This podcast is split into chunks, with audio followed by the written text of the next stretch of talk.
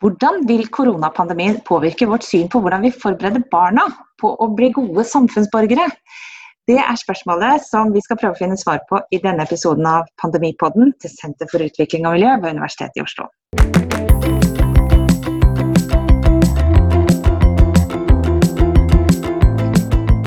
Mitt navn er Benedicte Bull, og jeg er professor ved SUM, som de kaller det.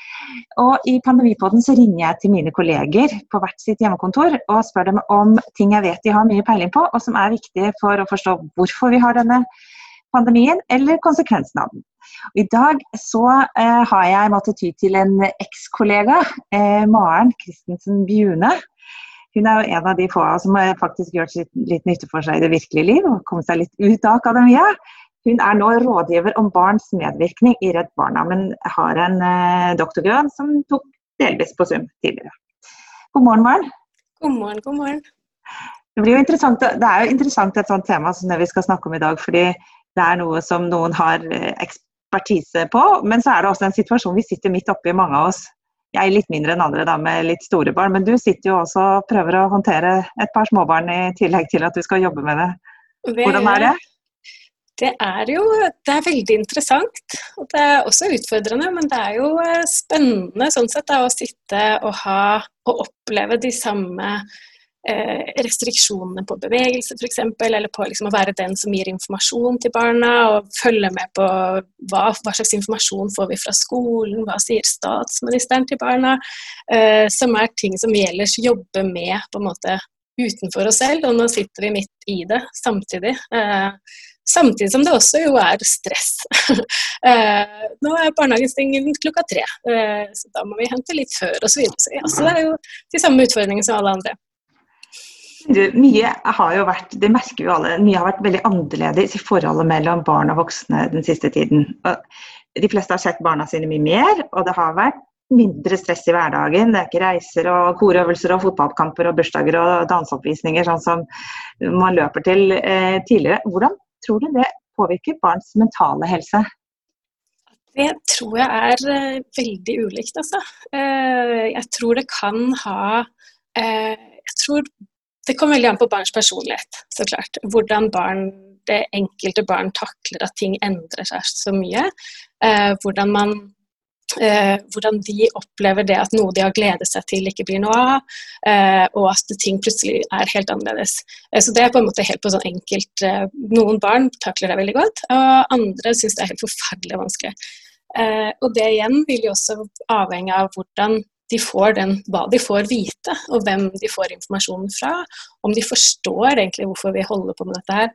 Um, så Sånn sett så er det også veldig selvfølgelig avhengig av hvordan foreldrene uh, er, hvordan de har det selv, hva slags stemning det er i, i heimen. uh, og også at um, det at, de, at, man klarer å formidle igjen, at man klarer å formidle til barna hva, hva det er som skjer og hvorfor det skjer.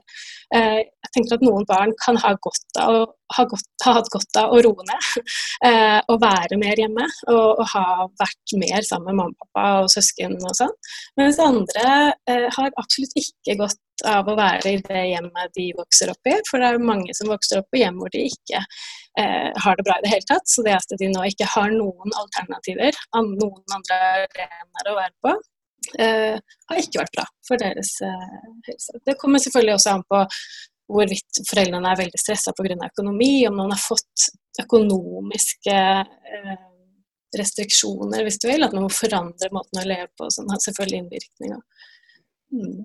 Jeg tenker også eh, at måten vi prøver å oppdra barn til å bli gode samfunnsborgere på, har blitt snudd litt opp ned. For vi er vant til å prøve å lære barn å bli, være inkluderende, du skal ikke holde noen utenfor. Du skal ikke diskriminere i forhold til andre som kanskje er litt annerledes enn deg selv. Og nå må vi jo veldig sterkt begrense hvem de skal være sammen med. Og, eh, og, og det blir jo liksom akkurat de nærmeste. Og jeg merker jo at det, på en måte impulsene fra eh, grupper som kanskje er annerledes enn dem selv, blir jo veldig redusert. Hva slags effekt tror du det har på barna? Tror du det har noen langvarig effekt? Det er så vanskelig å si, altså. Men eh, jeg, jeg, har, jeg tenker på det. Er det sånn, blir vi mindre tolerante, på en måte? For vi blir så Vi velger mer selv. Altså vi voksne da ofte velger selv hvem barna skal være med. Eh, og kan også velge bort de vi ikke vil at barna skal være med. Er det på en måte um, er, vi, er vi med på å skape mer homogene fellesskap på en måte for barna våre. Det, det, tror jeg absolutt har skjedd de siste månedene her i Norge. da. Uh, og så er det nå, Men det er jo det at vi nå ser allerede at det begynner å løse opp. ikke sant? Så da har vi virkelig mulighet til å og bør virkelig tenke igjennom hvordan man kan skape flere arenaer, flere fellesskap for barn. Eh, men det er også eh, ja, sant, Når man lager små grupperinger, så kan det være trygt for barn, men det kan jo også være ekskluderende. Eh, det, kan være barn som ikke har hatt noen å leke med nå fordi de andre var opptatt. Sant? og hvordan komme inn igjen i det. hvordan skal man, og nå på skolen så er man én liten gruppe, og så skal man bli en større. Hvordan, det er en utrolig viktig rolle skolene har nå for å etablere holdt jeg på å si, viske ut de der skillene eh, som har blitt dannet nå. Da. Og fordi de ofte også er blitt dannet av oss voksne. Eh, men så vil jeg si det er jo på en måte ute i den fysiske verden, fordi det er jo mye som foregår på internett også. Eh, og der uh, vet vi mye mindre om, om, hvordan disse fellesskapene, hvordan barn orienterer seg rundt der, og hvordan forholdene mellom dem er der. Så det er veldig interessant og viktig for oss å, å prøve å skjønne. Uh, og det kan være læring videre. ikke sant? Hvordan, hva slags fellesskap opplever barn på nettet? Hvordan kan vi bidra til at det blir mer inkluderende? At det faktisk er lettere der å nå ut til de som ikke får lov til å være med i bursdag når man får lov til å ha bursdag igjen osv. Så, ja. så prøve å tenke litt på tvers av uh, den virkelige og virtuelle verden, sånn som barn gjør. Det tror jeg vi også trenger å huske på. Men det er utrolig viktig nå hvordan vi åpner opp, tenker jeg. Og så, en annen ting er jo at uh, På en måte så har kanskje livene blitt litt likere. For det er ikke sånn at, uh, at noen er på helgeturer til uh, Alpene og på fjellet og går på ski hele tiden, mens andre ikke har den muligheten. Alle er vi litt sånn alle er vel litt mer stuck, vi er i nærmiljøet vårt. Men jeg tenkte litt sånn for å komme litt inn i, i mer liksom, de vitenskapelige korridorene her, som vi er vant til. Eh, jeg leste en artikkel som var veldig interessant om hvordan oppdagelsen av bakteriene for over 100 år siden endret eh, synet på barneoppdragelse. At eh, Tidligere så lå liksom, eh, familiene i samme seng, de brukte samme glass å drikke. Og, og, det med bakterier gjorde at det ble veldig fokus på renhold og mye mindre fokus på fysisk nærhet. At man skulle egentlig holde fysisk distanse. Tror du koronapandemien kan bidra til hvordan vi forholder oss rett og slett til, til barna våre, og endre barneoppdragelsen på samme måten? Ja, kanskje Nei, ikke, på, ikke fullt så Ikke her, tror jeg ikke. Eh, fordi, kanskje fordi vi vet så lite om hvordan smitten At vi har forholdt oss til at barn ikke er så utsatt for den smitten. Det er ikke så farlig for barn. Vi vet ikke så mye om hvordan det smitter mellom barn. Og vi har hatt fokus på det, ja, men nå skal vi bare være familien. Eh, så, med mindre, altså Selvfølgelig ikke i familier hvor det har vært smitte. da. Eh, der har man på en måte måttet ta grep og isolere og sånn. Men sånn generelt så tror jeg ikke det med at Men, det, men så igjen innad i familien. Eh, Bortsett fra når det kommer til det som vi hører en del om, er at det er litt sånn usikkerhet knyttet til amming f.eks. At det er mye Man vet ikke helt sikkert helt sikkert hvordan det eventuelt smitter mellom mor og, og barn uh, i en ammesituasjon. Og det er mye uh, man frykter for det, så at mange kan kutte ut amming pga. det. Og mange steder hvor man absolutt ikke burde kutte ut det. Um, så, så, sånn sett, så akkurat nå så siden man vet såpass lite, så er det litt sånn vrient å si også. Men, uh, men, jeg tenkte på det med at uh, det kan jo også ha noe med hvordan man ser på ikke bare, altså sin egen barneoppdragelse, jf. andre sin måte å drive barneoppdragelse på. At man kan, det kan være liksom mistenkeliggjøring av andre uh, familier. holdt jeg på å si nei, de kan ikke vi være med fordi vet, altså de, de, gjør ikke sånn som vi gjør. eller altså, Man har en idé om man får sånn idé om hva som er riktig. Um, og igjen da, kanskje mindre tolerante, jeg er ikke helt sikker. Men også og det er hvordan vi forholder oss til den utvidede familien, særlig besteforeldre. Der tenker jeg at vi, det, det, har, det, har, i hvert fall vært en periode med ganske endrede familierelasjoner. Da. Uh, men der igjen så ser det jo ut til, akkurat her i hvert fall, uh, til at det gradvis på en måte åpner opp så vi får mer kunnskap, og det at barn ikke, faktisk ikke uh, bærer smitte så mye. Men igjen, siden vi står litt midt oppi det, så Men det er veldig interessant parallell å, å dra. Så Kanskje man blir ja, om det har vært mer, mer, stress og mer kjeft i at det er mer der å liksom gå og vaske hendene for tusen gang. Eh, men, eh, men, akkurat det med hvordan man er, den nærheten innad i familien, det, det, tenk, det har jeg vel ikke inntrykk av at vil endre seg helt på samme måte. Eh, I hvert fall ikke i samfunn hvor vi har såpass mye informasjon som vi har. da. Vi har vel kanskje også litt mer informasjon enn den gangen om hva slags skade de gjør også, og, og ha veldig distanserte relasjoner. altså Litt ja. mer enn den psykiske Men jeg merker jo det at man blir litt mer sånn Har lyst til å gå og blande seg opp i hvordan folk og, og, behandler barna sine på butikken som får lov å løpe rundt og ta på alle tingene. Ja, men ikke sant, det er jo det. Kjeftekjerringa som sier 'hallo, skal du passe litt på ungene dine snart'? Ja, ja. Men um, uh, altså, en annen ting som jeg tenker er litt viktig for å forstå liksom, de samfunnsmessige konsekvensene av dette, her, er jo at altså dere som jobber med barn, og særlig du som snakker om altså Din jobb er jo rett og slett å, å, lære oss til å høre på barna. Og dere prøver å oppdra oss andre til å behandle dem som aktører, og ikke bare som noen objekter for våre kontrollmekanismer. At vi må lytte til dem og gi, sørge for å gi dem en viss innflytelse over egne liv. Og da tenker jeg at nå er alt snudd litt sånn opp ned. Ingen av oss føler at vi egentlig har kontroll over våre egne liv. Og vi, vi hører på ekspertene og lar de fortelle oss eh, hva, gjøre, hva, vi skal gjøre. Så makten over hverdagen vår er på en måte flyttet eh, oppover. Hva har det å si for vårt forhold til barn, tror du?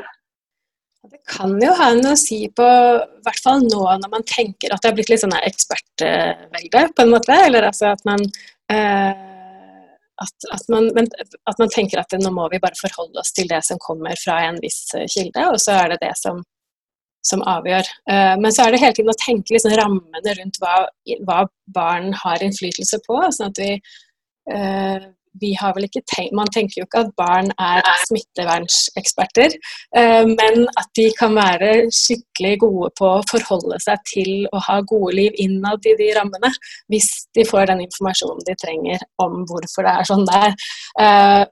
og at Uh, nå som jeg er så nysgjerrig på altså jeg, jeg, opplever i hvert fall at mange er veldig nysgjerrig på hva, effekt, hva er effekten på ulike grupper, på økonomi, på alt mulig, så bør man jo, er også effekt, nysgjerrig på hvordan, hva slags innvirkning som vi snakker om nå, da, det har på, på, barn. Og da bør man jo selvfølgelig absolutt det er, Nå har man barn sittet isolert med seg selv og ofte mye egen læring inn i en datamaskin. altså Man har vært så mye De, de er så innmari kilden, da. Uh, selv for, for, at vi skal forstå dette her. Men, men, det er klart at det kan vi, Sånn som jeg ser nå på åpning av skoler, så har jeg ikke sett så mye fokus på at man skal få i gang elevrådene, f.eks. Eh, for å få i gang hvordan barna selv mener om disse grupperingene. Hvordan, hva, hva, har det å si at man på en måte har en ny vikar annenhver dag? Eller, altså, vi har ikke sett så mye av det eh, som, som, vi skulle ønske. At, at man ikke bare er den der kilden til hvordan har dere det egentlig, men hvordan skal vi gjøre dette? Um, dere som lever i det. Så, så, og også det med at man uh, så, derfor, Men så ser vi også sånne ting som at barn må ha Og man kan sikre at de uh, har um, uh, Og det å ha innflytelse handler jo om å beskytte seg selv. ikke sant? At man, barn, barn kjenner på kroppen og vet når de ikke har det bra. Så vi trenger at de har innflytelse ved å formidle de, hvordan, hvordan, de egentlig har det. At de må vite om hvem de skal snakke med osv. Så, videre. så alle sånne mekanismer er kjempeviktig. Og jeg ser jo at det er en del fokus på det her nå.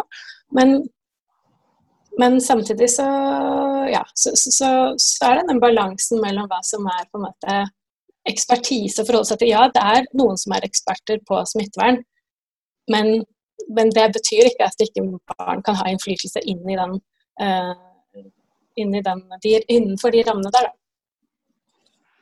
Kanskje, kanskje, får vi litt mer autoritets, uh, autoritetstro uh, barn. Det hadde ikke vært gjort noe ja. særlig her, her, hjemme i hvert fall, tror jeg. det kan du si. Litt mer respekt for autoriteter. Men det er, jo, det, det er, jo, interessant å merke, eller i hvert fall for jeg har min yngre barn. og Altså, de, de, tror jo på veldig mye. sånn at når vi sier at nei, nå er barnehagene stengt, og nå er skolen stengt, ja vel, så, eh, så tror de på det, da.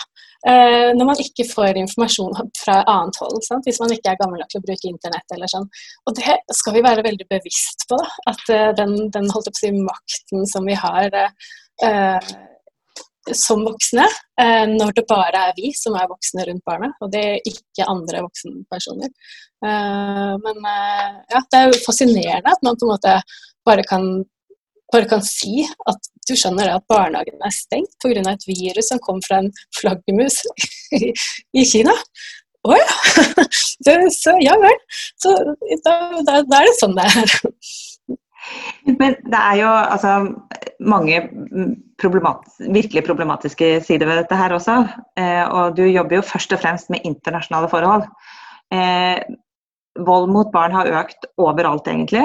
Eh, også her, men eh, i mange andre land så er det mange faktorer som gjør at det er store grupper av barn som ikke får den læringen og omsorgen og tryggheten de trenger.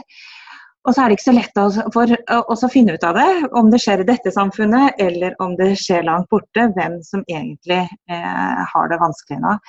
Eh, hvordan tenker du man kan bidra til å støtte de som faktisk virkelig lider i denne perioden? Eh, det er eh, altså fra, fra Det er det å ha etablere kontakt. Man må få kontakt med dem. Eh, vi må, om man sitter og er isolert på et lite sted langt unna, og skolen er stengt, og skolen egentlig var det eneste kontakten man hadde med storsamfunnet i det hele tatt, og så har man på en måte så vi som, vi som samfunn, både her og andre samfunn, også prøver å få etablert kontakt med barn selv om de er isolert. Være kreative på det. Om det er noe, mange steder så bruker man jo internett, bruker telefoner. Eh, men andre steder så må det være en annen måte oppsøkende virksomhet. på en måte, Distribuering av eh, bøker, leker, organisering av Eh, kreative ting som barn kan gjøre på hvert sitt hold, og så samle sammen. Eh, altså danne igjen da, disse fellesskapene så langt hvis det er mulig. Men mer alvorlig så er det jo utrolig viktig å få etablert disse hva skal man kalle det, rapporteringsmekanismer. Det høres et tørt ut, men altså at barn har muligheten til å formidle til andre enn sine nærmeste at de ikke har det bra. Eh, at man vet om at det finnes muligheter eh, for å få hjelp da, eh, der det, der det fins.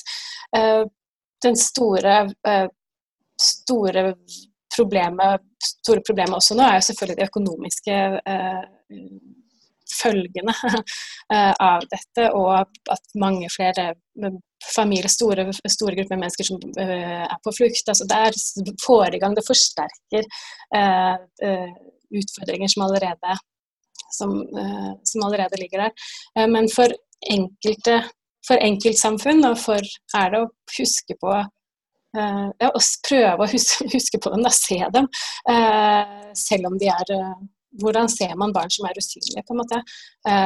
og og forholde seg til at de har de samme behovene nå for læring og særlig informasjon eh, om hvorfor det er sånn det er, og hva de kan gjøre for å endre på, eh, endre på situasjonen sin. Um, ja. Hva man kan gjøre det. Det er i hvert fall noen ting å, å ta, med, ta, med, seg.